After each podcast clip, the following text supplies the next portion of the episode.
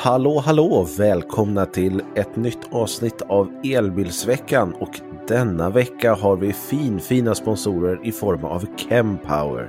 Tänk om det gick lika lätt att ladda sin bil som att köra den. Med Chempowers modulära och skalbara laddsystem laddas elbilar och andra elfordon snabbt och enkelt. Med dynamisk laddning minimeras laddköerna och du kan lätt skala upp antalet laddstolpar. Du känner igen KemPowers unika laddstolpe på den smala formen och den bågformade stödfjädern för lätt hantering av laddkabeln. Skannar du QR-koden ser du hela tiden laddstatusen medan du handlar eller kanske tar en fika. Du hittar KemPowers snabbladdare på ett flertal laddstationer runt om i landet. KemPower erbjuder laddtjänster för bland annat bensinstationer, depåer, butiker, fastigheter och laddoperatörer. Kontakta KemPower på kempower.com sweden för en smidigare laddupplevelse. Ladda med Chempower. Tack för det. Jag var ju jag var, vi hade lite så här eh, elbilsmöte på Refill här i Malmö som jag har Chempower. Och sen så kom faktiskt Harris från Elmacken också på besök. Så Jaha. det var rätt, rätt mycket snack om laddare där kan jag säga. Då, då har ni pratat en hel del Chempower kan jag tänka mig. Ja, man, eh, nu, nu kan jag väl en detalj hur det där fungerar. Eh, så kommer, jag ska upp och intervjua Harris här i, eh, på Youtube här inom, i sommar någon gång. Spännande, spännande. Välkomna till Elbilsveckan. Jag heter Kristoffer. Ni har redan hört Peter Esse här. Och Peter, hur är läget med dig? Det är bra faktiskt. Nu är det bra. Nu är jag trygg och säker igen här nu när det är podd. Jag lyckades eh, för första gången i mitt liv faktiskt få räckviddsångest på riktigt. Nästan räckviddspanikångest. Oj, ja, får du sånt alltså? Ja, det trodde jag inte. Men det var så att jag körde, eh, skulle köra, lämna tillbaka Nissan Aria till eh, upp i Stockholm. Då så körde jag från Malmö. Och Den har ju lite, den är lite lynnig sådär. Så att, eh, det kommer mer om det i slutet av podden här. Om eh, mitt lilla äventyr med den. Räckviddsångest, det, det är ju bara ett av livets eh, utmaningar. Ja, det var att ta hand om. S säger bilen 5 km kvar och det är 7 km till laddaren då är det ju en utmaning som man har framför sig, inte, inte ångest. Men vad händer om det är ett streck? Då, då håller man tummarna. ja precis, det hjälper ju inte. Jag förstår, vissa, vissa elbilar gör, gör ju på det där viset. Att när du går ner till riktigt lågt sådär, då tar de, visar de bara ett streck. Jag har aldrig varit med om det. Är det, verkligen, det är verkligen då du behöver veta. Det är då jag verkligen då, behöver veta. Ja. ja då tar man bort det. Så bara, ja. haha, långnäsan för dig. Ja, det var jättekonstigt faktiskt. Eh, så. Och eh, mer om det då i, i min provkörning om Nissan Ari här som kommer sen. Jag har varit ute och kört lite Tesla mm. för en gångs skull. Eller för du... en gångs skull. Det blir inte jättemycket Tesla här. Men en Model X 90D var jag ute och körde här. Eh, från 2017. Gått 11 000 mil. Så ja. det var ju intressant att göra räckviddstest på. Hur gick det då? Det var höga siffror. Eh, din eh, kära Audi Q8 där kommer nog ligga rätt bra till jämfört med den. Mm. Till Teslas försvar så är det ju ganska gammal teknik i deras 17 års modeller. Men det här med Tesla service, det verkar ju vara sådär. Det verkar vara det ja. Den hade varit inne på service för någon laddluckebyte och så hade de upptäckt någon form av korrosion eller vad det var på eh, laddluckan. Så de hade bytt både laddluckan och själva ladduttaget på den här bilen. Och det var inom garanti, så allt frid och fröjd, ägaren är glad och allting. Och så lånar jag den där för att jag ska göra räckviddstest och så kopplar jag i eh, snabbladdare, Tesla Superchargers. Får felmeddelande, händer ingenting. Så den här nya ladduttaget, det verkar inte ta snabbladdning. Nej. Och, och, det är ju tråkigt om man ska ut och åka liksom. Så typ 2, alltså vanlig hemmaladdning gick bra. Men så fort man kom till en Tesla Supercharger så gav de bara felmeddelanden. Så då måste ägaren igen till Tesla Service för att byta den här helt nya ladduttaget. Ja. Det, det jag ska väl säga att det är inte bara Tesla. Jag hade ju en XC40 som inte kunde långsamladda istället. Eh, och den stod ju på verkstad i en och en halv månad. Men det är så de här nya felen som dyker upp med elbilar. det är ganska kunna viktigt tanka att kunna... bilen. Liksom. Nej, exakt. ja, den är rätt jobbig den. Det är det. I'm Sandra and I'm just the professional your small business was looking for. But you didn't hire me because you didn't use LinkedIn jobs. LinkedIn has professionals you can't find anywhere else, including those who aren't actively looking for a new job but might be open to the perfect role, like me. In a given month, over 70% of LinkedIn users don't visit other leading job sites. So if you're not looking on LinkedIn, you'll miss out on great candidates like Sandra. Start hiring professionals like a professional. Post your free job on linkedin.com/people today. Millions of people have lost weight with personalized plans from Noom, like Evan, who can't stand salads and still lost 50 pounds. Salads, generally, for most people, are the easy button, right? For me, that wasn't an option. I never really was a salad guy. That's just not who I am. But Noom worked for me.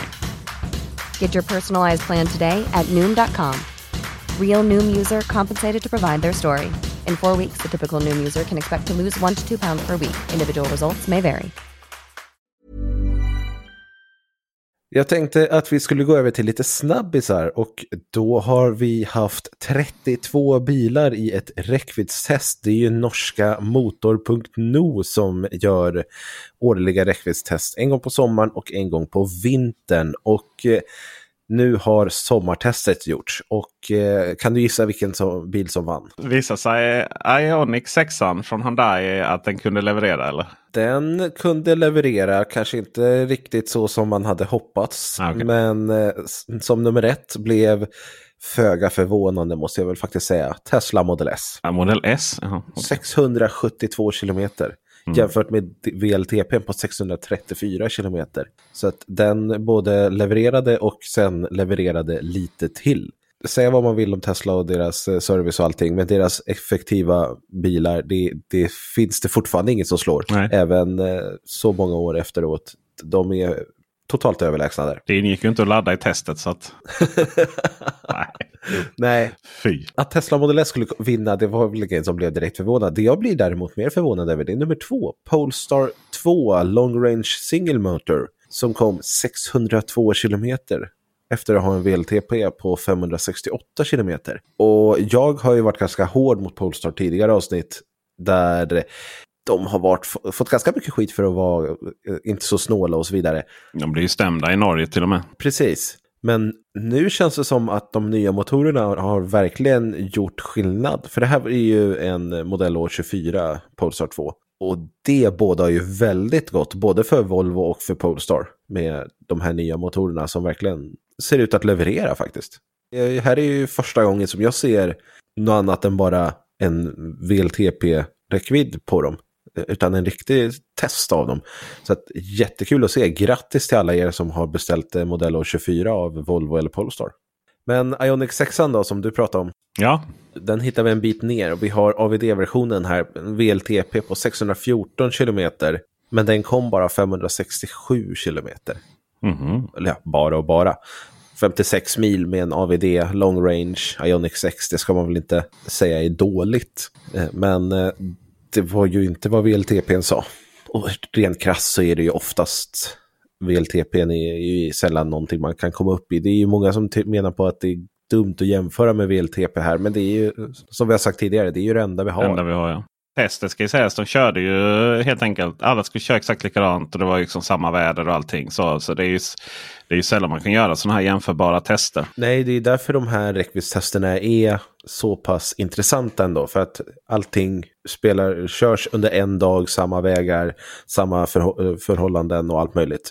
Det är liksom, visst det är alltid olika körstilar på förare.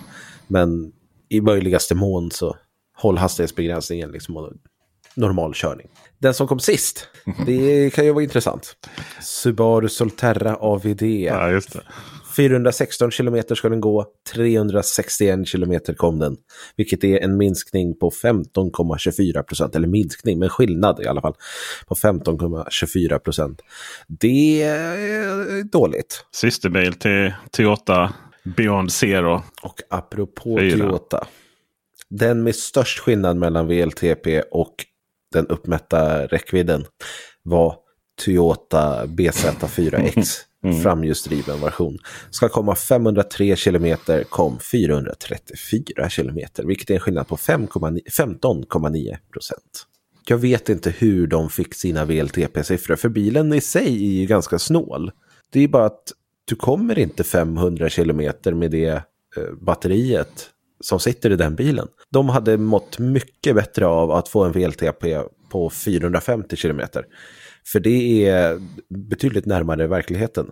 Nu blir det så extremt stor skillnad. Så att det, det är nästan lite så här Dieselgate-skandal. Jag säger inte att man har gjort det, men att jag förstår verkligen inte hur Toyota har fått en så bra VLTP-räckvidd. De hävdar ju att eh, det här är inte deras fel utan det är de som körde bilarnas fel. De hade kört, kört distansen själva och då hade det blivit mycket bättre. Och det är ju bara patetiskt kan jag tycka. Nej, man ska nog ligga lite lågt där faktiskt. Ja. Ja, man räddar ju inte den situationen. Nej, det gör du inte. Speciellt inte av att skylla på föraren. Är inte just med den här historiken man har med den här bilen på olika sätt. Nej, det, det, det är tråkigt. Som sagt, 43 mil, det, det är väl inte fy skam det heller så. Men nej, den hade mått så mycket bättre av att ha 50 km kortare VLTP-räckvidd.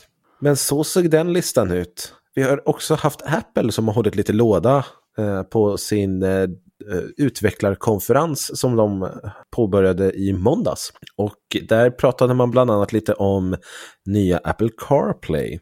Och i deras kartapp så kommer man från och med iOS 17 nu kunna se hur många laddare som finns tillgängliga i realtid vid laddstationerna. Så att eh, vi kan både hitta laddare där och se om de är lediga eller inte. Vilket är en snygg funktion. Men frågan är ju egentligen Peter, kommer du gå över till Apple Maps istället för Google Maps för den här funktionen? Jag kör ju istället för Google Maps. Jag kör ju i så fall den inbyggda navigatorn då i bilen framför. Naturligtvis. Just för att det är ju enda sättet att kicka igång snabbla, äh, snabbladdningen. Snabb, vad heter det? Ladd, värme på batterierna. Batteri för värme. Ja, det, jag tycker att det är dumt att många bilar gör det på det viset. Men så är det ju. Samtidigt så är det ju sällan den inbyggda navigatorn har alla laddare. Där är ju både Apple och Google bättre. Mm, man visste är det så. Men mitt körmönster är väldigt mycket så att jag vet vilka laddare jag ska till. Jag, jag sätter in dem redan när jag kör. Om jag ska till Stockholm till exempel så sätter jag in dem redan i Malmö. Och Då är det dessutom intressant för då är jag så himla ointresserad hur många laddare som finns tillgängliga här. När jag, för jag ska ju typ upp där om två timmar. Så att jag har aldrig liksom riktigt funderat så mycket på den funktionen. Den finns ju i, eh, ibland i bilarna och i, i ChargeFind och sånt också kan man titta på. Men det är sällan jag tänker på det där och huruvida det, det finns nu. Utan jag hoppas väl på eller snarare så att det kan ju till och med vara bra om, de är, om, om man kollar en timme innan och de är fulla då. Då kanske det mindre troligt att de är det om en timme då. För då har ruschen varit. Så, sådär. så att jag har aldrig liksom riktigt tänkt på det sättet att jag är så himla intresserad av huruvida laddarna finns tillgängliga. Där. Just också för att som jag pratat om i flera tidigare poddar. att jag är så bunden till Ionity på grund av det låga priset. Än så länge då i snart mindre än ett år kvar. Då. Men eh, så att för mig är det en icke-fråga. Och sen igen då är det synd att det är att, man, att, att jag är så bunden till bilens navigator. Eh, och i eh, till exempel Audi då, E-tronen som ju inte förvärmer batteriet på det sättet ens behöver det säger de. Så eh, har jag ju kört Apple Maps visserligen. Eh, men eh, då har jag ju gjort det oavsett om det har varit visa laddarna eller ej. Då. Du skulle ju behöva komma ut lite mer och köra utanför din comfort zone. Comfort zone. Ja. Verkligen. Sen brukar jag också köra Apple Maps, men det är ju bara för att Apple är eh, dumma i huvudet. Oj då. De tillå- många bilar börjar ju tillåta mer och mer att eh, när man navigerar med CarPlay eller Android Auto så dyker även kartan upp på förardisplayen. Det, det blir allt vanligare och det är min misstanke också. Problemet är att Apple CarPlay så funkar bara Apple Maps med den funktionen. Apple tillåter inte någon annan karttjänst. Så även om jag vill använda Google Maps, då tappar jag funktionalitet. Och Mm. det är ju bara Apple i ett nötskal. Det finns ju ingen... Det har ju inget med bilen att göra, men det är fruktansvärt irriterande. Det är det ju. Absolut. Jag är glad att den kom upp där i mitten. För det gör den inte hos mig. Då. Nej, okej. Nej, det är inte alla bilar som har stöd för Nej, det. jag än. tror att det, kommer, det kan vara så att det funkar på Q8 nu eftersom den nya. Men, eh, och på Volkswagen så har det ju, och på dem gjorde det inte i början, men med mjukvaruuppdateringen så har det ju gjort det sen. Då. Precis, det har ju dykt upp där. Mm. Och som sagt, min Ford gör det. Eh, Volvo Polestar får det ju nu. Ja, precis ihop med, med senaste uppdateringen. Men eh, nej, det är klart att navigatorn ska vara i mitten. Det är ju, eller i mitten, förlåt, det är den ju. Men i, jag säger alltid mitten som du vet mitten framför mig. Alltså förardisplayen då. Ja, det blir jättefel när man har en mitten. Ja, de har mittenskärm också. Då. Men eh, jag vill ju ha jag vill ju ha navigatorn stort där framme. Då, så då, eh, ja, lite, om, jag är ute, om, jag, om jag är ute och kör. Om jag, det är lite så här, om jag behöver veta vad, om det är trafikstockning och sånt mycket och bra. Då är ju Apple Maps riktigt nice. Så då använder jag den. Men om jag typ ska navigera i, in i en stor stad som Göteborg eller någonting där det oundvikligen är så att man alltid hamnar fel i Tingstadstunneln hur man än kör. Så då använder jag gärna bilens navigator. När du pratar om Göteborg och förardisplay då kommer jag att tänka på en annan bil som vi ska prata om här. Kan du gissa vilken? Är det avsaknad av... Kan, vi, kan, kan du ge mig hint? Är det avsaknad av förardisplay vi ska prata om? Det är det absolut. Är, kan det vara Volvo EX30 då? Volvo EX30 har presenterats. Hiring for your small business? If you're not looking for professionals on LinkedIn, you're looking in the wrong place. That's like looking for your car keys in a fish tank. LinkedIn helps you hire professionals you can't find anywhere else, even those who aren't actively searching for a new job but might be open to the perfect role. In a given month, over 70% of LinkedIn users don't even visit other leading job sites. So start looking in the right place. With LinkedIn, you can hire professionals like a professional. Post your free job on linkedin.com slash people today. When you make decisions for your company, you look for the no-brainers. And if you have a lot of mailing to do, Stamps.com is the ultimate no brainer. It streamlines your processes to make your business more efficient, which makes you less busy. Mail checks, invoices, legal documents, and everything you need to keep your business running with Stamps.com. Seamlessly connect with every major marketplace and shopping cart. Schedule package pickups and see your cheapest and fastest shipping options from different carriers with rates up to 89% off USPS and UPS rates. And with the Stamps.com mobile app, you can take care of mailing and shipping wherever you are. Make the same no-brainer decision as over 1 million other businesses with Stamps.com. Sign up with Code PROGRAM for a four-week trial, plus free postage and a free digital scale. No long-term commitments or contracts. That's Stamps.com. Code PROGRAM.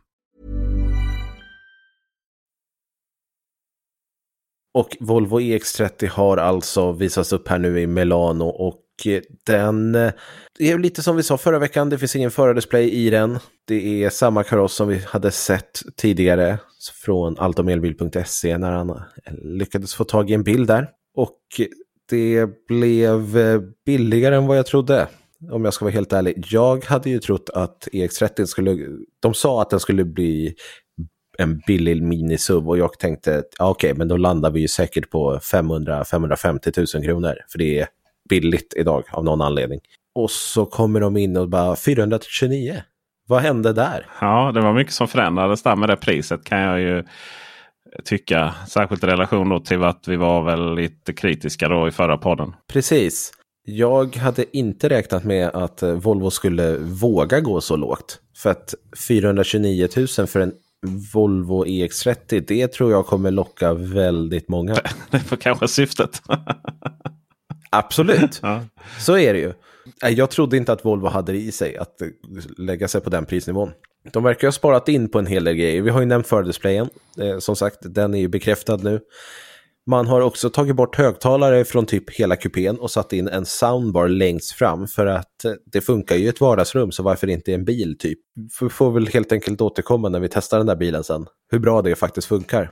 Vi har sparat in på eh, fönsterhissarna eller knapparna till dem. Istället för att de sitter på dörrarna eller på förardörren eller någonting så har vi två knappar i centerkonsolen här.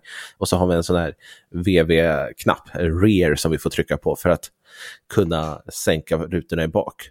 Och då blir det ju mindre elektronik till dörrarna och så sparar man in lite kostnader där. Så det är ju väldigt många sådana här kostnader som man har sparat in på. Interiören de visade upp där, den där lite gråa, prickiga. Jag, jag tyckte den var så ful. Mm. Och det jag tänkte var typ så här kommungrå linoleum med mattor. Eller ja, just det, återvunnet. Det, det, ja, det ska ju vara återvunnet plast eller vad det mm. var. Och nej, jag tyckte att det var, såg så fult ut. Ja, tror jag är jättesvårt att bedöma på video. Liksom. Ja, jag tror det också. Eh, utan det får man ju vänta med att se. Bilen ska komma i tre batteripaket. Eller två olika batteripaket och tre olika utföranden, ja. kanske vi ska säga det. Vi har ju ett LFP-batteri på 51 kilowattimmar. Där var det 49 kilowattimmar som var användbart. Yes. Och sen hade de ett NMC-batteri också med kobolt då, då på 69 kilowattimmar, där 64 kilowattimmar är användbart. Det är just batteriet där i LFP-batteriet som är så på 49 kilowattimmar användbart. där.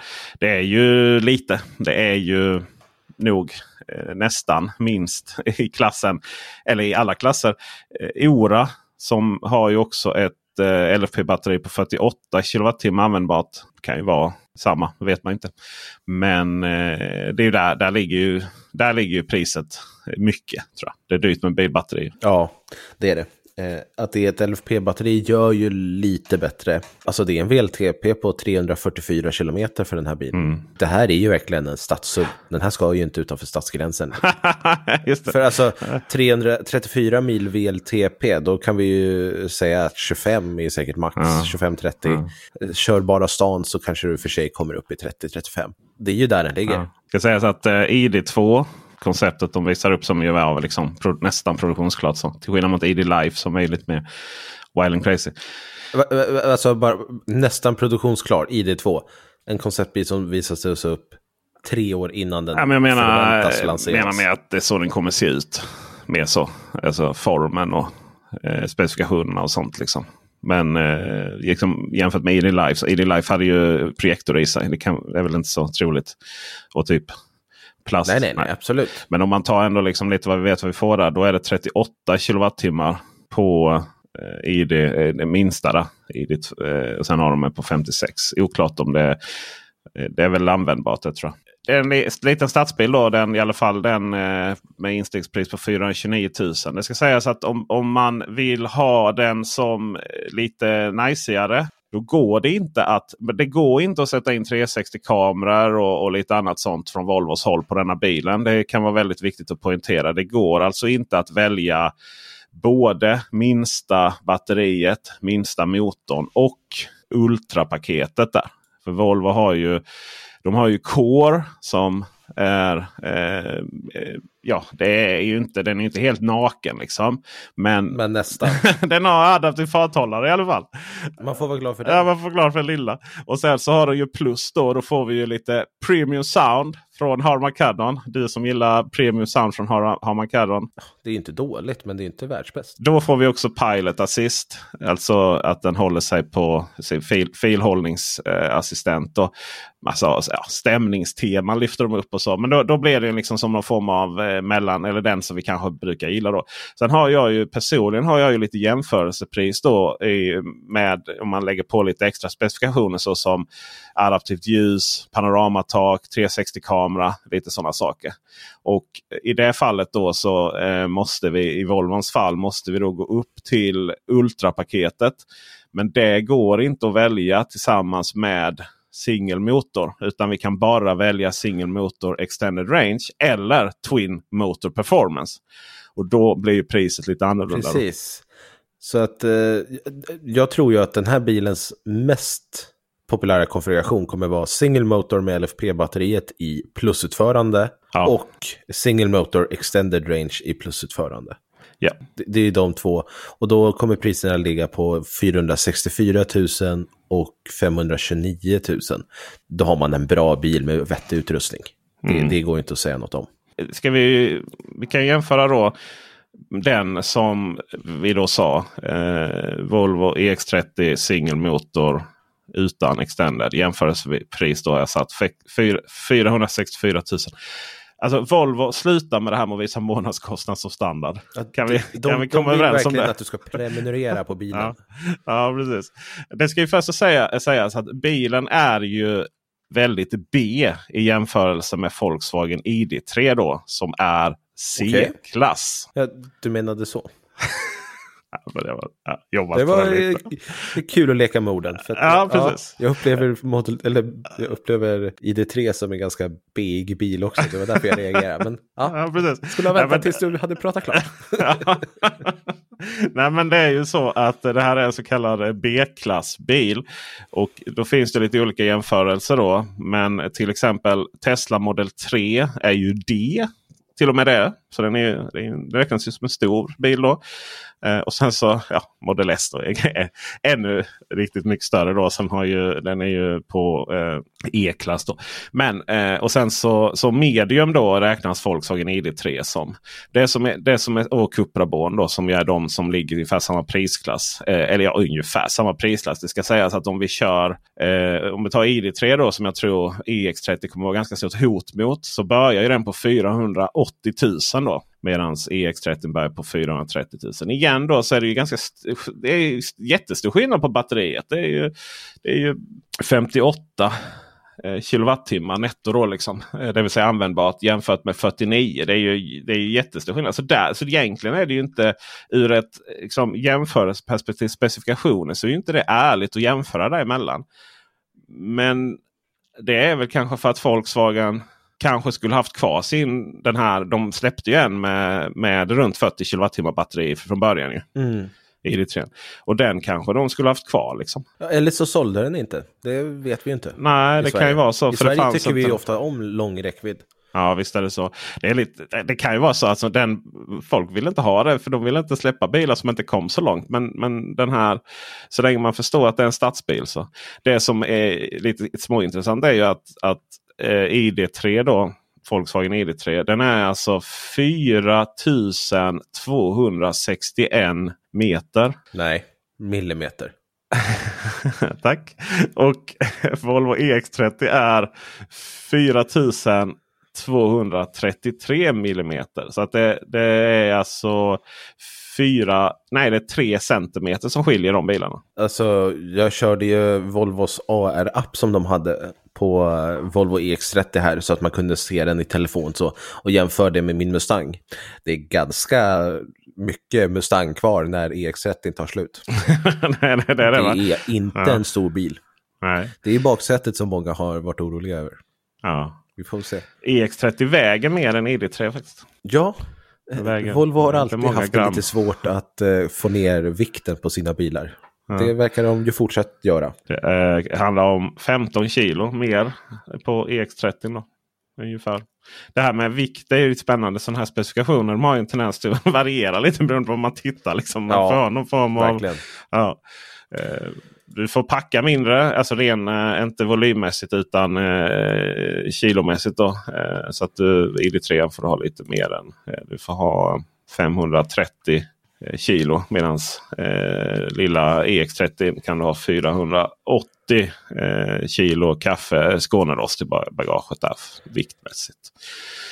Men sen, det finns ju en version vi inte har pratat om. Mm. Twin Motor Performance har de döpt den till. Då får man AVD, det är dubbla motorer fram och bak där. Det är det stora batteriet som man får då. Och vi har en VLTP på 460 km. Men det intressanta här det är egentligen 0 till 100-siffran. 3,6 sekunder. Vi kommer gå undan. Det är ju... Varför ska man med det till i en liten eh, stadsbil från Volvo? Det, det, det finns liksom ingen... Det, jag fick det låta så fult liksom. Ja, men alltså Volvo säger själva att det är deras snabbaste bil någonsin. Ja, fast jag har aldrig sett dem försöka liksom göra en Audi RS3, men nu så gör de uppenbarligen det. Mm. Eh, och det är jätteroligt också, man kan få den i gul, vilket blir rätt läckert i det här svarta taket som man följer med. Volvo kör ju väldigt mycket tvåtonat på XC40 och fortsätter även med XC30 här. Och jag har någonting att erkänna. Du har det? Volvo EX30 Twin Motor Performance i gult är beställd. Och eh, det var ju... Impulskontroll. jag, jag, får väl helt enkelt göra en pudel här med tanke på att jag förra veckan sa att ah, ingen fördelsplay, helt död och ointressant för mig. Den kom ju in på ett så pass bra pris att jag tror att det här kommer bli en jättesuccé. Och att då ha tillgång till en tror jag kommer vara väldigt fördelaktigt för min YouTube-kanal. Ja, du tänker så. det är ja. så jag tänker. Och eh, jag har inga planer på att ha kvar Mustangen då. Och hela anledningen till att inte ha kvar Mustangen är ju för att kunna hyra bilar, göra an köra andra bilar. Det här är ju ett sätt att göra det på. Jag tror att en gul EX30 kommer ge väldigt mycket uppmärksamhet och som YouTuber så är uppmärksamhet någonting man vill ha. Kommer du stripa den då? Kommer hela kanalen bli gul sen? Äh, Kanske inte riktigt så. Kanske inte riktigt så. Men eh, vi får väl se vad som händer. Vad valde du för inredning då? När man väljer en Twin Motor Performance i Ja. gult så har man ingen inredning att välja på utan man får ta det som finns. Då får du det gråa i och för sig. Då får jag det gråa vilket är ganska tacksamt för att den är, ser väl bäst ut egentligen. Ja, ju- om, man, om man väljer det, det är så konstigt. Om man väljer plus så eh, ska vi se här. eh, Just det, om man väljer bara plus så får du bara välja grönt. Ja, det är Inredning. jättekonstigt. Och det finns även blå inredning som de var så stolta över att eh, det var gamla jeans. Det är Ah, väldigt okej. mycket, Ja. eh, det handlar om återanvändning här. Jag tror att de sa att typ 25% av bilen är återvunnen, Ja. un- återvunna material. Det är bara tre stycken färger. För om du väljer bilen, det här är ju spännande. Om du väljer den blå på utsidan, den här babyblå. Då, just det, då, kan, då kan du bara välja blått. Om du väljer svart, grått eller vitt så kan du välja mellan grönt och blått. Och gul då är det bara grönt interiört. Då. Och detta är om vi, om vi är på plus. Medan om vi är på ultra så har vi då Jag förstår inte varför man inte bara kan men då få får välja. välja grått också på insidan när vi valde Ultra. Förutom, på, förutom på den gula som bara är grå. grå då, ja. mm. Den gråa ska ju vara deras woolcloth eh, interiör så som de har i eh, Volvo XC40 och eh, C40 har det också idag. Jättesköna säten, jättesnygga också. Jag hoppas verkligen att de har fått med sig sätena från XC40 ner till EX30 eh, rent prismässigt också. För att de har ju sparat in på saker. Frågan är hur mycket de har sparat in på. Det är också någonting som man kommer kunna ta reda på. Jag har även beställt med drag 1600 kilo får man dra då i eh, Twin Motor Performance-utförande. Det är inte fy skam. Nej, vad är det annars? Om man tar en Single Motor Extended så får man dra 1400 kilo och om man tar det lilla eh, LFP-batteriet så får man dra 1000 kilo. Aha. Ja, det är ju för sig rätt bra också för en liten, för ett liten, en liten skitbil. Ja, alltså du kan ju alltså köpa en Single Motor Extended Range och få dra mer än ID4 och hela Volkswagen-koncernen. Liksom. Mm. Så att- Frågan är hur långt man kommer där med den. eh, Det ska bli.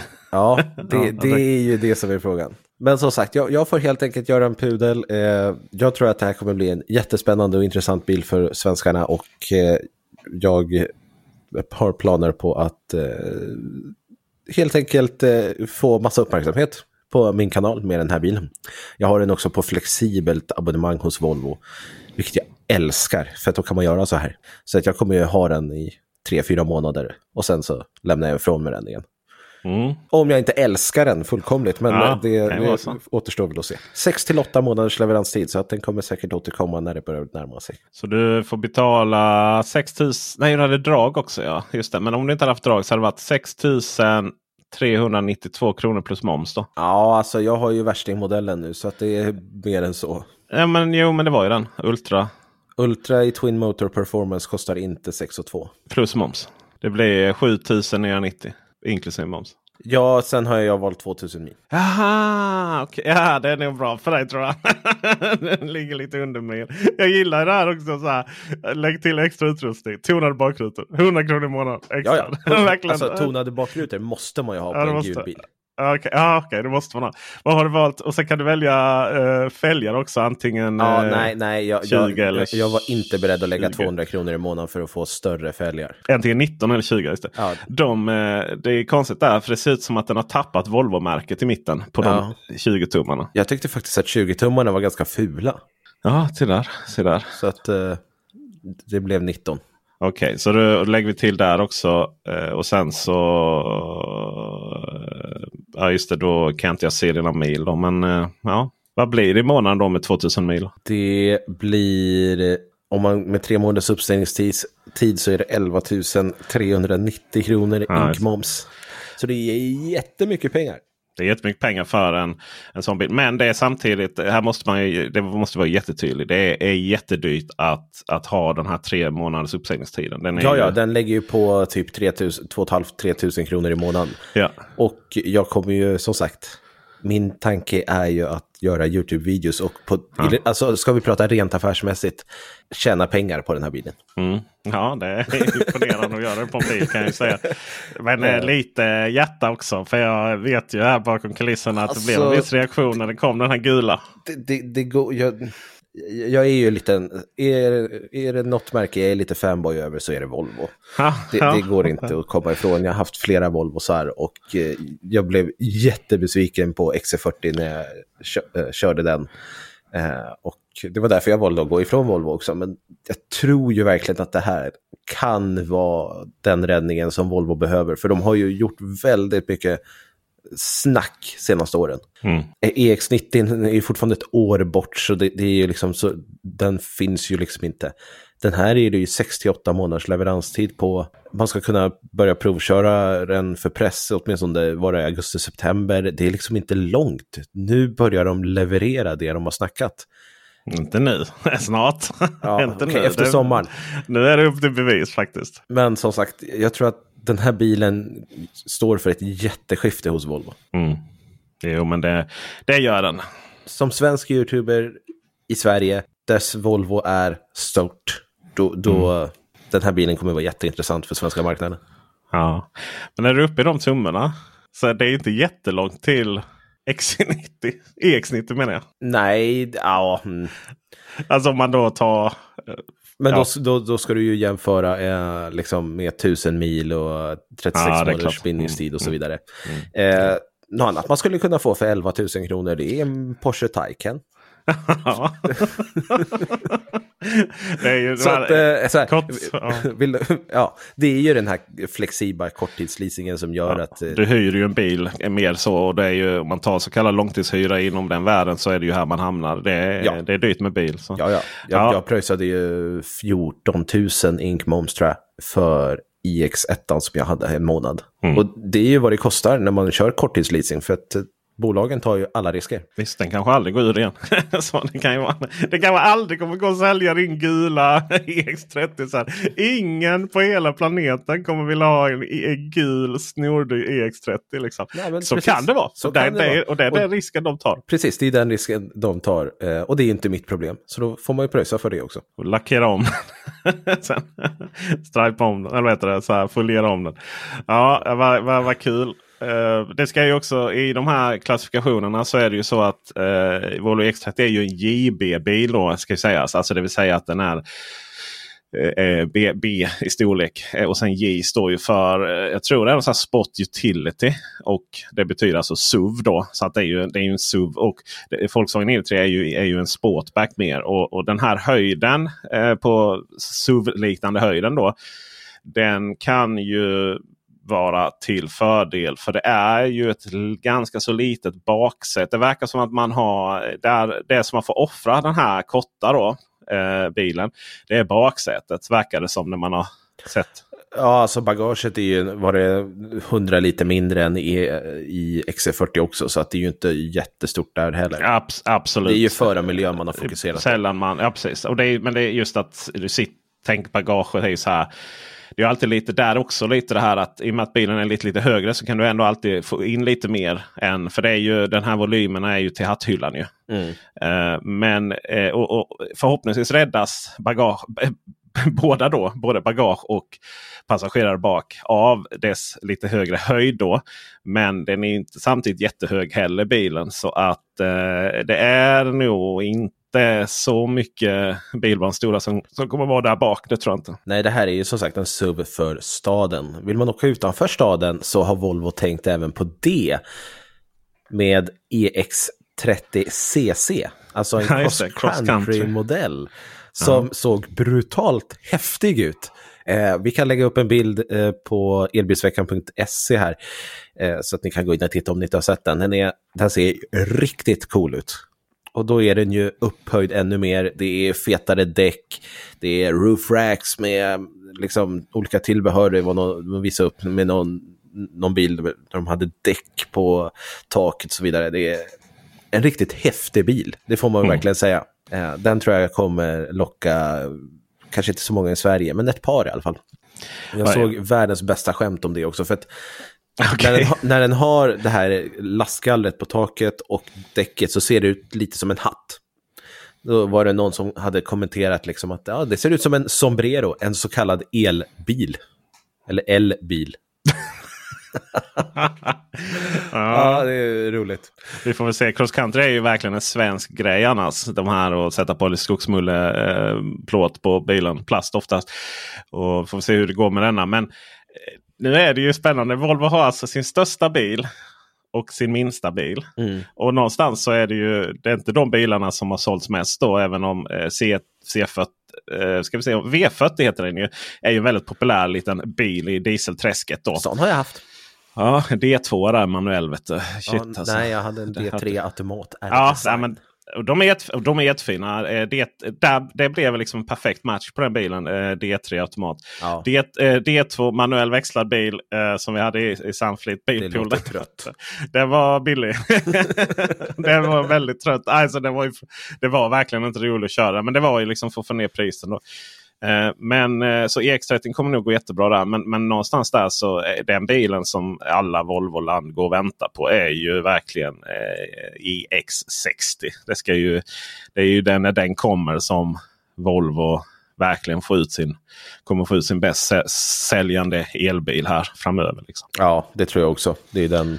Många pratar ju om kombi, så det är ju framförallt i Norden här som vi väntar på det. Men EX60 tror jag kommer gå hem mest hos övriga marknader. Mm. Det tror jag också. Men även om det är en stadshuv så kan man ju faktiskt åka långt med den. Ja, får man hoppas. stanna, vid, stanna vid stadsgränsen. Bara, Nej, precis. Det är så här, zoner som finns i bilen. Nej, utan eh, de- den har ju snabbladdning, CCS, ingenting konstigt. Eh, en kul grej, om vi börjar fortfarande hemma, är ju att den kommer med 22 kW AC-laddning i, eh, om man har det stora batteriet. Jaha. Så väljer man LFP-batteriet, då, då är det 11 kW. Men AC, då är det 22 kW som standard. Det sparar de inte in på. Nej, nej, nej, nej, nej, nej, nej, nej. Så att eh, nu kan man åka och ladda bilen fullt på en sån här eh, traditionell eh, Renault Zoe-laddare, 44 kW eller vad de brukar vara på. Eh, på 4-5 timmar eller vad det blir. Va, vad tycker jag om det Kristoffer? Är ju frågan. Eh, jag pratar här medan jag tänker. Som ni märker, alla, podd, po, alla poddlyssnare får nu vara med i min hjärnprocess. Det som är intressant är ju att i de här systerbilarna då ifrån SEA2-plattformen som används. Så finns ju Smart 1. Si- Jag vägrar säga hashtag 1. Seeker X och Volvo X30 och Smart 3 då. Och eh, Seeker X och Smart 3 eh, har ju också 22 kW så det verkar vara en grej.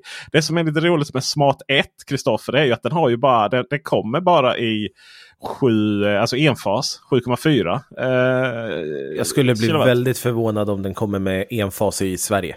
Eller Ja, Norden. Antagligen. Eh, det är ju flera bilar som brukar jobba så. För du nämnde en sak, du hittade ju en grej där ju.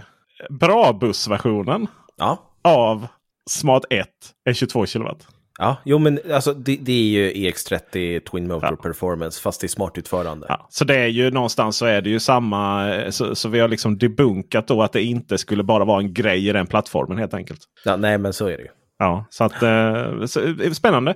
Eh, jag tror att jag tycker att 22 kilowatt är... Kristoffer, bara sluta prata. Jag tycker att 22 kilowatt är nice. Om det ingår. Men jag skulle aldrig uppgradera det. Just för att det är så få som... Eller jag själv skulle aldrig betala för att ha 22 kilowatt laddning hemma. Jag skulle aldrig säkra ner till så hög nivå. Hör ni den? Säkra ner till hög nivå. Men det är faktiskt så vi säger. Utan jag vill ha så låg eh, säkring som möjligt. Jag har bara 16 ampere hemma då ju.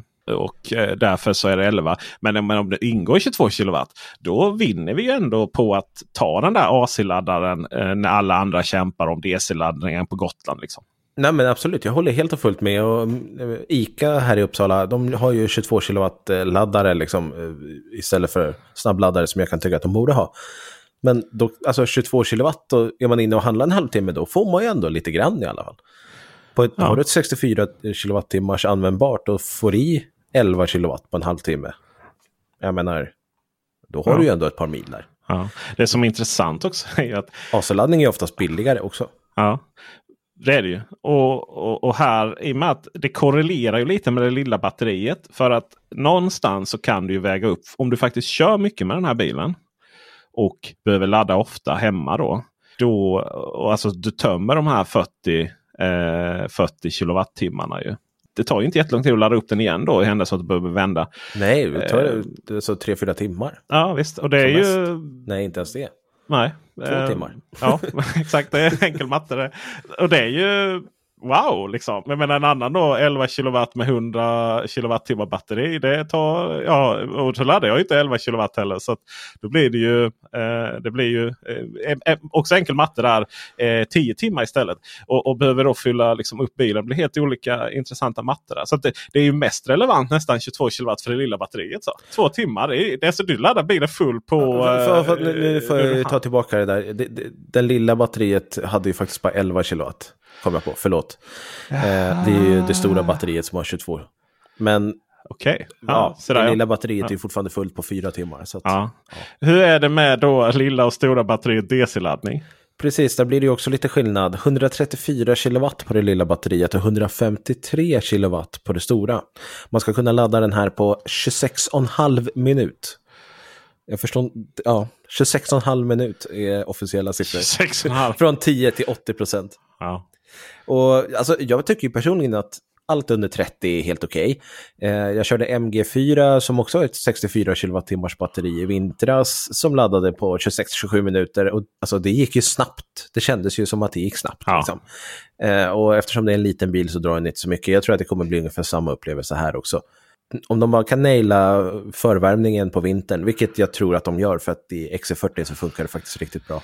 Ja, och det känns så... som att den här eh, plattformen har tagit fram. Den är ju okej, okay, det är det här som gäller för våra bilar. Det är klart att det ska fungera. Liksom. Ja. ja, så att eh, ja, jag klagade ju på räckvidden i förra veckan och menade också på att jag skulle vilja ha en liten premium SUV, bla bla bla. Ja. Jag tror inte att inredningen kommer vara särskilt premium. Jag tror att den kommer vara ganska billig och plastig på många sätt. Men eh, alltså just laddningen och det verkar de ju ha nailat. Jag mm. hade inte trott att de skulle komma med den här specifikationen. Nej. Grattis till eh, Volvo, grattis till Kristoffer för sin eh, gula bil. Och eh, grattis till eh, branschen som nu får förhålla sig till det här. Det helt, även om det finns liksom förklaringar till varför den här är så snorbillig. Så helt plötsligt så kan vi alltså få en, en, en, en otroligt snygg bil. Exteriör tycker jag i alla fall. Ja, jag, jag har inte sett den interiört då, så mycket mer än på film. Och för 430 000. Vi är ju på väg ner dit. Ju. Och jag menar, då kom, det kommer hela tiden heta, ja men det är, man får man betala för. Ja, men om man, alltså det, vi, vi har inte sagt att vi vill ha jättestora elbilar fyrhjulsdrivna med hur mycket kraft som helst. Vi har sagt att vi vill ha elbilar. Och, och liksom, men vi vill inte ha Renault Zoe med sin inte så adekvata krocktests historik.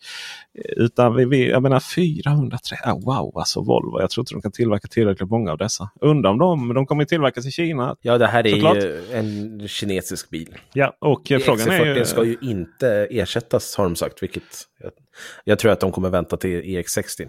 Ja, just det. Eh, vi får se vad Belgien ska hitta på nere där i Gent. Eh, tillverka. Mm. Jag, är, jag har ju sorg varje gång jag kör C40. Liksom. Varför då? För jag vill att den ska vara modern och härlig. Inte oh, att den ska vara vi, en...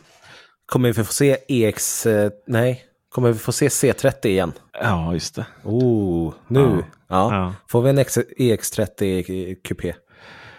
Ja, alltså herregud. Det är ju med sån här det är bara nya chassin. Alltså. Det, är ett jävla sätt och, det är ett jävla bra sätt att få ut flera, flera bilar.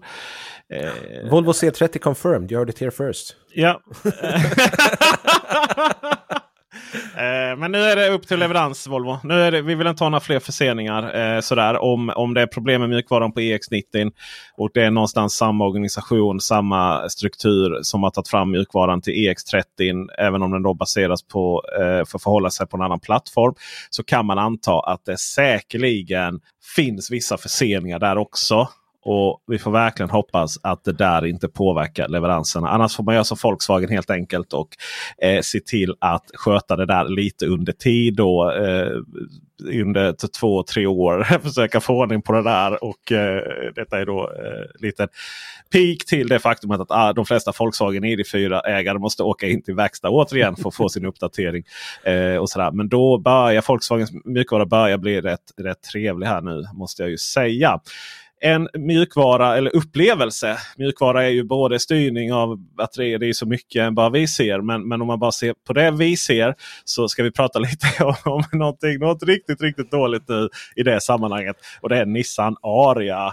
Nissan Aria har du varit ute och kört på vintern, Kristoffer. Det har jag varit. Mm. Och eh, du ska få eh, fylla i lite vad jag säger är baserat på den erfarenheten. Men det var då Nissan Aria som jag hade lite räckviddsångest över. Och Nissan Aria som jag körde.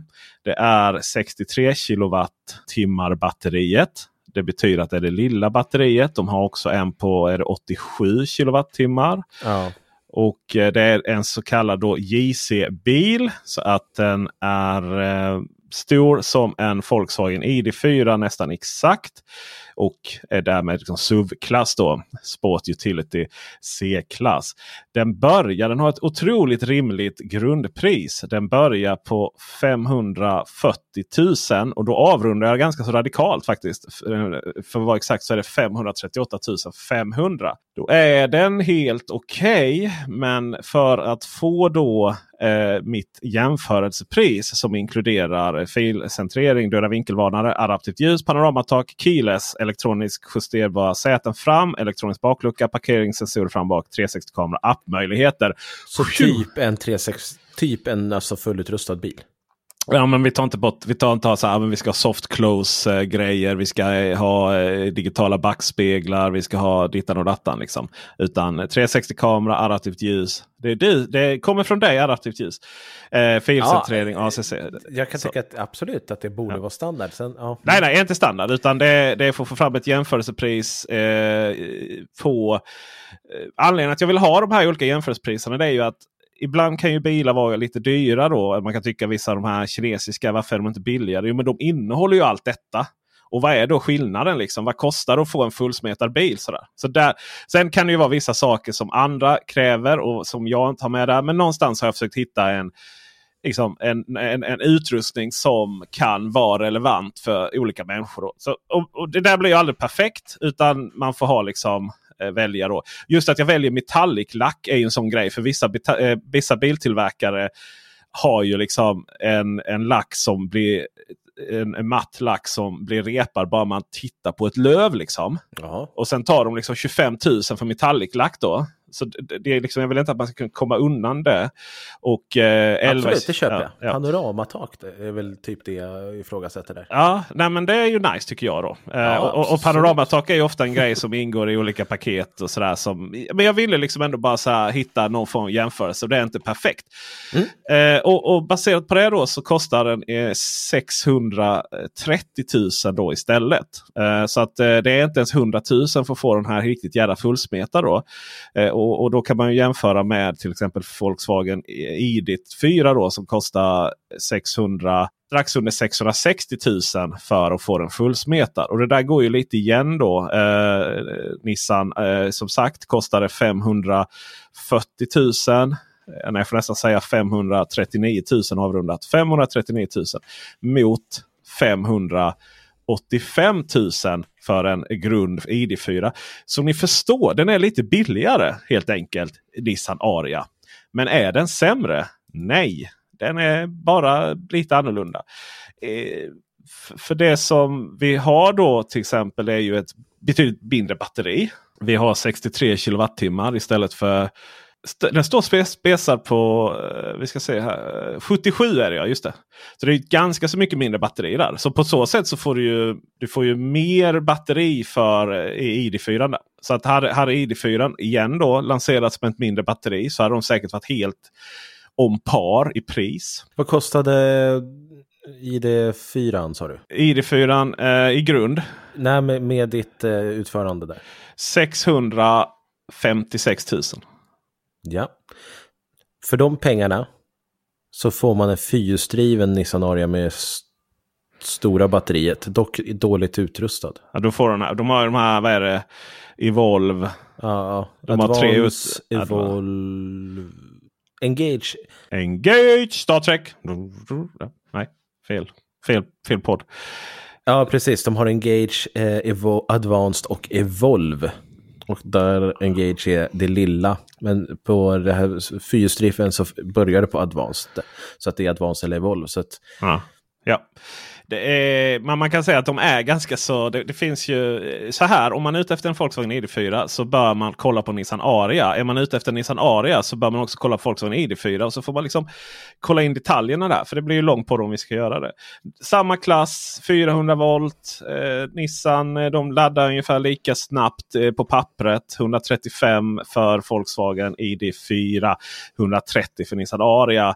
Eh, mer om det strax. Däremot så eh, eh, har den en eh, generellt medeltal på mellan 10 och 80% Då ligger ID4 på 93,6 kW medan Nissan Arian går ner där till 86,1 kW. Det är eh, ganska så lågt det. Det är bara ID3 och Cupra Born som är sämre på det. Då. Eh, den har ingen frunk, den har ingen vehicle to grid, den har ingen vehicle to load, den har ingenting av det där roliga. Den har en eh, förbrukning som är eh, nästan exakt lika hög då som ID4. De är väldigt, väldigt lika. I och med att den har lägre batteri då så har den en mycket lägre räckvidd än mycket och mycket. Men den har en betydande lägre räckvidd än vad ID4 har. Det är också så att Arian har lite högre luftmotstånd. Det är två olika bilar hur de ser ut på uppfarten. Båda är snygga på sitt olika sätt skulle jag vilja säga. Hjälp mig där Kristoffer. Vad tycker du i, i utseendemässigt? Jag tycker att Arian ser riktigt bra ut. Jag tycker att ID4 är tråkig. Ja, ID4 var ju bäst i GTX-utförande. Men då, ja, då är det fyrhjulsdrift och lite annat och då är det en betydligt högre pris. Men jag, alltså jag har svårt för plattnosen där. Jag tycker ja, Aria har gjort det mycket bättre. Ja, men det får man ju säga. Eh, 700, eh, däremot dragvikten är på 750 på eh, denna då som jag testat. Eh, du kan komma upp i 1000 kilo på eh, den fyrhjulsdrivna. Men eh, framförallt är dragkroken manuell och det är hål i huvudet. Och eh, det vet jag för att eh, eh, det har jag på min Audi E-tron hade och den togs aldrig av när den användes en gång. Jag orkade inte hålla på där och hålla på. Nej, det är ofta så det brukar gå till. Man brukar ju se Ionic 5 åka runt med dragkrok och det är mm. för att de inte orkar plocka av dem eftersom det är samma. Sen, är ju, sen kan ju Nissan Aria kan ju komma, iväg, kan man komma okej okay iväg med liksom en dragkrok bak. E-tron, något som match. Eh, liksom ser ut som att du, har, jag vet inte, du, du, du har tagit någon häftig bil och så liksom, ja men eh, jag, jag eh, svarvar fast, jag, säga. jag löder fast en dragkrok. Och det ser verkligen så jävla fel ut. Och det är också ganska dyrt med dragkrok. Det är faktiskt det dyraste sättet att få dragkrok på en bil. Det är 15 839. Det var intressant siffra den. Väldigt specifikt nu på kronan. 15 839 kronor. Vill du höra vad det kostar att få dragkrok på en MG4? Ja. 18 000. Det är där de får in sina pengar. Eh, lastutrymme är mindre också. Den är ju nästan lite sportback-aktig då. Så det är 486 liter. Eh, fällda säten kan man göra. Eh, I övrigt så har den då inte några som helst egna appar och sånt. Utan det är CarPlay. Jo den har en app och det är Alexa. Eh, utan det är CarPlay eller Android Auto som gäller. Och det är en jädra tur för att det ser ut som en påse skridskor det här systemet som Nissan har. Det är, eh, ser ut som en gammal fossilbil. Det är eh, lågupplöst. så att eh, Jag har inte sett så lågupplöst CarPlay på skärmen sen Kia Niro, den gamla där. Och det är också så att eh, mittenskärmen, alltså skärmen som är i mitten då, i och med att jag brukar säga fel. Den är ganska så korkad. Den har liksom inga så här eh, funktioner för att se så mycket data och räck. Alltså ingenting så. Utan den är verkligen så här. Hej, jag, jag kommer från ett fossilbilsföretag. Sen allting sånt där som rör distans och el och hur snabbt vi laddar och allting sådana saker. All den informationen ser vi i mitten Ja, nu sa jag fel igen. Det ser vi förardisplayen då istället. Så där kan, vi, där kan vi trycka runt som om det vore huvudskärmen. Och den är ganska stor. Det är nästan Audi-klass på den. Så där får vi fram massvis med information. Så. Men den är ju otroligt eh, spännande. Om vi vill exempel, vi kan få fram så här att ja, men jag vill se eh, hur lång tid det tar att ladda olika saker. Ja, men då visar den eh, ja, 130 kilowatt. Eh, då laddar, kommer den ladda upp till x antal procent så här snabbt. Och sen kan man, ja, men jag, jag vill byta. Då kan jag bara välja ner till 50. Så jag kan liksom Liksom inte sätta den på typ så här runt 90 kilowatt då för att se hur snabbt det kommer gå att ladda. Andra bilar, till exempel Mercedes, har ju det kopplat till hur bilen mår. Så om vi slår in, eh, en, en, eh, en, vi slår in eh, laddstationen i navigatorn så kommer den säga hur snabbt jag kommer ladda baserat på eh, saker som batteritemperatur och sådana saker. Och, och, state of charge, eller alltså, eh, batterinivå när vi kommer fram. Och även naturligtvis hur snabb laddaren är. Nissan Aria, det, är så här, det finns inga sådana kopplingar. När jag då ska sätta mig ner i Nissan Aria och planera eh, vad jag ska. Då placerar den ut då som standard eh, några laddare som jag överhuvudtaget inte har någon form av relation till. Jag kan inte heller sätta något filter eller någonting. Möjligtvis hur snabba de är, men det var knappt så det fungerade när jag väl kan gå in och ändra det, då får jag ett meddelande i skärmen. Bara, nej, nej, du kan inte ändra detta om du har den här inställningen på att den ska aktivt lägga in den. Okej, okay, då ska jag hitta den inställningen bland... Alltså det är så ologiskt och det är så frustrerande. Och det är bara så här. Varför förstör ni mitt liv Nissan med den här, det här systemet? När ni har en så fin elbil i övrigt. Jag sätter sig den här. Den är vit klädsel för övrigt. Var försiktig med kaffet. Eh, Mockaläder framme vid panelen. Eh, du har en, eh, det är ju jättesmart. Du har ju en mittkonsol som du kan välja om du vill ha långt fram eller om du vill skjuta bak. Om du vill manspreada eller inte medan du kör. Den är ju, det är ju en ren elbilsplattform då så att det är inga kardaltunnlar eller någonting.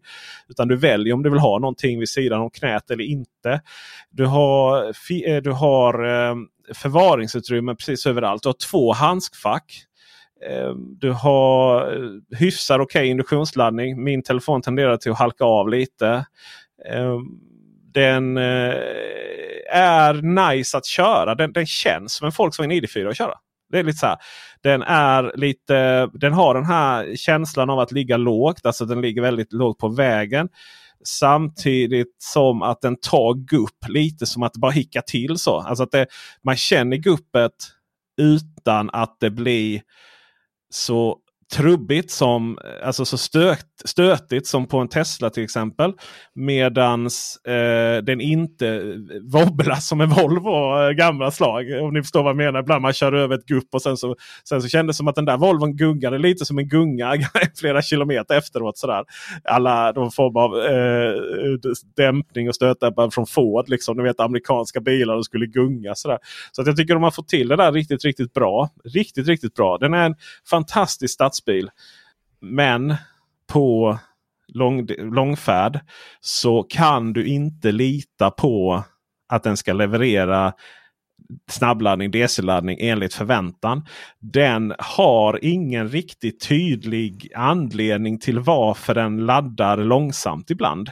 Utan någon gång kom jag in då och då hade jag kört långt. Då hade jag kört eh, från, eh, från Kista då, norr om Stockholm till Ljungby då. Så jag har laddat en gång innan. Och bara för, du lånade den här ganska nyligen va? Ja. I maj-juni när det var sånt här fint väder. Ja, vi pratar ju 15-20 grader ute. Ja. Och första gången då när jag landade i Mantorp. Eller om det var vad var det jag laddade den först? Det spelar ju faktiskt ingen roll riktigt vad jag laddade den första gången. Det gick liksom, ja men det gick inte så himla snabbt. Men det, det funkar liksom. För den har nämligen förvärmning av batteri och man kan aktivera den manuellt. Sådär. Så att, och när det är förvärmning av batteri och, den ska, och vi navigerar så förväntar vi oss liksom att amen, vi har värmt batteriet till optimal temperatur och därför ska det gå att ladda liksom enligt förväntan. Då. Men eh, nej, inte alls. då. Sen så eh, körde jag till man, eh, andra laddningen då i Ljungby och då lade den sig på 90 kilowatt. Och då la den sig på 90 kilowatt hela tiden. Jag bara, jag bara spammade Kristoffer och Kristoffer. Alltså du Kristoffer och sen Kristoffer från eh, alltomelbil.se. Det var bara så här, för först var ju 90 kilowatt, det var ganska lågt då jämförelsevis där på, på ganska i början. Då, för den har optimal, eh, ladd, eh, ladd, optimal laddkurva som den sagt heter mellan 2 och 57 procent. Så det, liksom, om vi laddar mellan 2 och 57 procent är då det går som snabbast. Att jämföra med till exempel ID4 som ligger mellan 2 och 43 procent. Eller ironiskt nog som eh, eh Volkswagen ID3 och Cupra Born. Den ligger från 0 till 73 procent. Så den ska du verkligen ligga nära på noll där när du kommer in. I vilket fall som helst. Så den bara körde 90 och sen bara fortsatte den köra 90 nästan till så 75 procent. Och då var det ju helt magiskt. För att när den är uppe på 75 procent eller 70 procent i Sanaria då ska den inte ladda i 90. Sådär. Så det var en väldigt intressant laddkurva. Då. Och, och sen så fortsatte det varje gång jag snabbladdade. Och någon gång kom den upp i, eh, i sina över 100 kilowatt. Men det var väldigt väldigt sällan faktiskt. Eh, det var tror jag var sista omgången där så kom den upp där i det. Sen hade jag faktiskt lite laddproblem för den har, eh, det tycker jag är otroligt irriterande. Det finns ingen hårdvaruknapp och ingen mjukvaruknapp att stoppa laddning. Eller att låsa upp laddaren.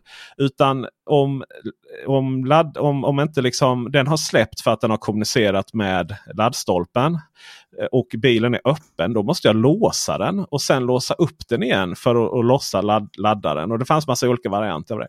Helt plötsligt hade jag lyckats låsa ladd, laddporten innan jag satte in laddaren. För att jag hade problem på Ionity att kicka igång laddningen. Då. Och, så, och sen plötsligt kunde jag inte ens sätta i laddaren. Då hade, då hade laddporten lyckats låsa sig innan. Och då var så här, någon här.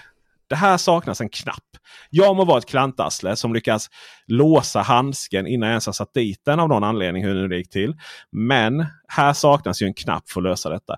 Sen har de ju världens smartaste grej. Det är ju att du inte har den här fruktansvärda flärpen för att täcka DC-kontakterna. Utan du, har, du, du, du, trycker upp som två dörrar då. Och antingen bara AC eller både AC och DC. Det tycker jag är, det borde vara standard i alla bilar om du nu ska ha någon lucka för. Det låter som att du hade ungefär samma upplevelse som mig när jag körde i vintras. Jag låg ju också i princip alltid under 100 kilowatt.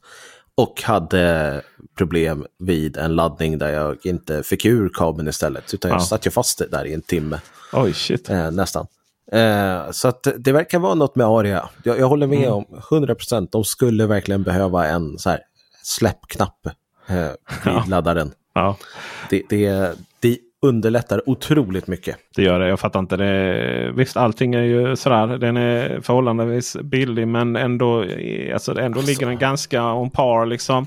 Eh, det, det hade nog inte, de hade gärna fått sätta in en knapp. Interiörsmässigt så är det ju också väldigt högt och lågt. Det här härliga lädret, bockalädret och det, touch. De har ju speciella touchknappar som, knappar som är i själva träimitationen. Det gillar ju jag lite sånt. Jag tycker det är lite häftigt. Liksom. Det är jag tycker knappar. det ser jättesnyggt ut. Ja faktiskt. Och sen har de, sen har de en leksak till växelspak. Då, eller vad vi nu kallar körläges. Alltså den är, man är, man är ju rädd att ta sönder den. Alltså det, det, är verkligen som en billig leksak från Ullared.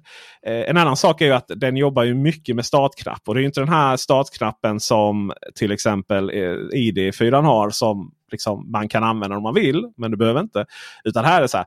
Tryck ner bromsen för att starta. Nej, nu var den inte i rätt startläge för att göra detta. Nu måste du trycka. Och här, här blir det inga bekymmer med att, den, att man eh, tror att bilen alltid ska vara avstängd för eh, när man stannar då och lyfter på rumpan. då Som vi har pratat om tidigare med Skoda och Volkswagen.